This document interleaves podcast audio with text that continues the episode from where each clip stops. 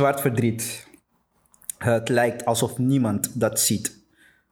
Op klaarlichte dag worden broeders en zusters vermoord. Hun roep naar adem wordt bewust niet gehoord. Hoeveel hashtags moeten er nog komen voordat we kunnen leven in Martin Luther King's dromen? Laat ons allen uitspreken en gillen voor dit. Want het is niet alleen een probleem voor zwart, maar ook voor wit. We zijn nu verbijsterd en moe. Zwart leven doet er echt toe. Zwart verdriet. Het lijkt alsof niemand dat ziet. Nou, ik, ik ben Emmanuel. Ik ben, ik ben 28 jaar. Van de LGBT-gemeenschap um, voeg ik me toe aan de G. Ik ben homo zelf. Ik ben opgegroeid in, in Amsterdam. Ik woon inmiddels in, in Antwerpen. En uh, ik ben zelf geboren in Suriname. Um, daar liggen mijn roots. Bij een bepaalde Suriname heeft natuurlijk verschillende bevolkingsgroepen. Um, ik hoor bij de bevolkingsgroep die zich de Magron noemt. En dat is een bevolkingsgroep die, um, die afstamt van de, van de gevluchte tot slaafgemaakte eigenlijk. Ik heb het eigenlijk mijn hele leven al, al, geweten, snap je? Ik, ik, ik, wist het eigenlijk altijd al. Toen ik die, die negen was. Maar ik dacht altijd ook, want er was, ik, ik, ik woonde toen nog in Suriname, grappig verhaal. Er was één bekende homoseksuele man in de buurt. Je zag al gelijk dat hij homo was. Uh, mensen die waren bevriend met hem. En het werd me altijd, altijd met de paplepel je mag nooit zoals hem zijn. Snap je? Dus hij was altijd van, want hij is bezeten door iets. Dus je mag nooit zoals hem zijn. Dus dat heb ik altijd maar geloofd van, Tja, hij heette Charles, hij is niet goed. Dus ik mag nooit niet zijn. Man. Ik dacht altijd van, ja, het gaat, het gaat wel weer over. Later word ik ouder, het, gaat wel weer over. Maar het, het ging niet over. Het werd alleen maar erger eigenlijk. Um, natuurlijk, sinds uh, Suriname is gekolonialiseerd door, door Nederland natuurlijk. De tot slaafgemaakten die vanuit Afrika naar daar waren, waren getrokken naar, naar Suriname. Eigenlijk, toen ze voet aan in, op, Surinaamse land zitten, was het eigenlijk al afgekapt van... Um, gay zijn kan niet meer. Waarschijnlijk omdat het geloof bij hen is ingedrukt eigenlijk. Uh, ondanks in, in het binnenlanden van Suriname de tijd is geëvalueerd natuurlijk, hebben ze homoseksualiteit als een. Um, in zo'n macho-cultuur die toen is gemaakt is als iets wat niet goed is. Dus in die cultuur was het niet, was het niet gedaan. Maar als je dan naar, naar de culturele geloven gaat kijken, waar ik het net over had. De Winti bijvoorbeeld, um, een van de bekende Wintis, een van de bekende goden van het natuurgeloof, de Mama, Mama Isa, ja, we noemen haar Mama Isa omdat ze de, de moeder is, moeder natuur, moeder van alles is. Maar eigenlijk is het iets die geen gender heeft op dat moment. En die wordt wel het meest aangetrokken tot homoseksuelen. Die, als zij komt, zijn de homoseksuelen die zij aantrekt eigenlijk. En dat is soms heel mooi te zien. En als je weer terug gaat kijken in Afrika vroeger, waren het vaak de, de travestieten, de transgenders die een beetje sissy waren, die, um, waar die goden naartoe gingen. Want die hadden wat te vertellen tegenover het gemeenschap. Dus dat er altijd weer een link gelegd kan worden tussen Afrika en weer Suriname van nu de dag vandaag. De meeste homoseksuelen die in Suriname rondlopen, die open, open zijn, die zeggen altijd: Ik word geleid door de Mamaisa Divinity. En dat is, uh, ja, ik, ik vind dat frappant en interessant om te zien. Een, een, een andere vriend van mij, die is homoseksueel, um, een witte man ook, die, die is ook nu in de kerk ingegaan eigenlijk, maar die heeft helaas, ik weet niet helaas, het zijn eigen ding, die heeft dat afgezet van, ik ben wel homo, maar ik ga dat niet praktiseren.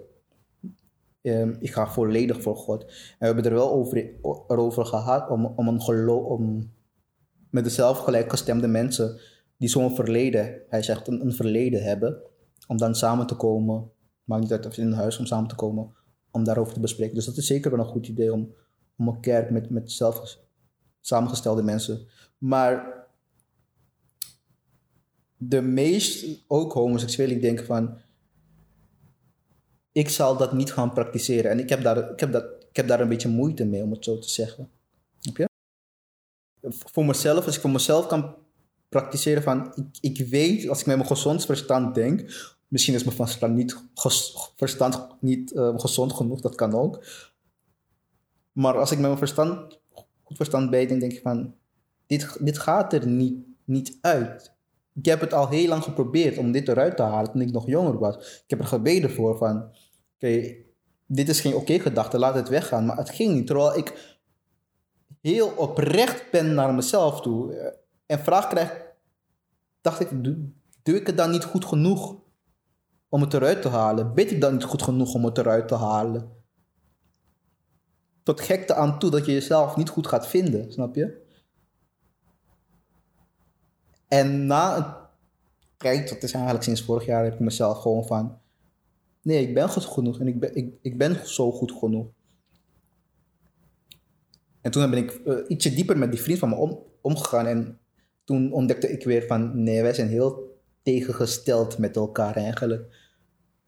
Je, geeft je toe aan je homogevoelens, maar die gaat er niet aan denken. Dus als hij dan weer iets bij krijgt, dan gaat hij dan ervoor bidden van nee, het, het moet weg. En dan denk ik van, is het, dit is niet mijn ding.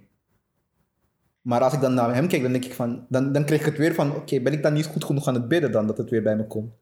Het is heel ingewikkeld. Eh, Het niet genoeg is van, doe, bid ik niet genoeg om...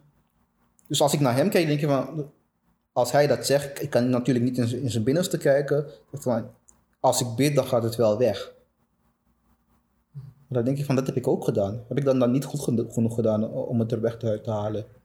Dus je gaat altijd weer twijfelen aan jezelf van, heb ik het niet goed genoeg gedaan? Terwijl, voor, volgens mij, het kan niet. Je bent zoals je bent. Accepteer het. En neem het in. Maar iedereen heeft zijn eigen gedachten daarin. In het geloof zelf. Heeft iedereen zijn gedachten daarin. En daarin moet je iedereen ook laten zoals hij wil denken. Bij mij, ik, was opgelucht dat het, dat eruit kwam. Vaak, vaak als ik, kijk vaak naar programma's, dan denk ik, dan zie ik mensen... Oh, ik ben naar de kast en toen kon ik eindelijk mezelf zijn. Ik kon vrij zijn. eh, ik, ik, was, ik had- vond het zo moeilijk om het te zeggen, maar het viel reuze mee. Maar eigenlijk bij mij begon het pas, begon de drama pas toen. Heb je? Dus eh, ik, ik, ik had daar gewoon, daarvoor had ik gewoon een, een relaxed leventje. En ehm, ja, bij mij begon de drama daar pas.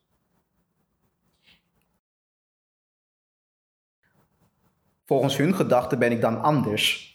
Maar je bent niet zoals de rest. Kijk, als je, als je die, die... Oh, maar je bent niet zoals de rest. Je spreekt goed Nederlands en je bent homo, dus je bent niet zoals de rest. Je... Maar zo hoort het niet te zijn. Je hoort de rest ook net zo goed te accepteren. Net zo goed naar hun te luisteren zoals je mij naar mij luistert. Want ik ben nog steeds een zwarte man. Dat definieert mij eerst dan dat ik homo ben. En als, als, als dat geregeld wordt in deze maatschappij waar wij in leven, dat zwarte mannen ehm, niet als een bedreiging worden gezien, niet als anders worden gezien, dan, wil ik er wel, dan zal ik er ook voor gaan strijden.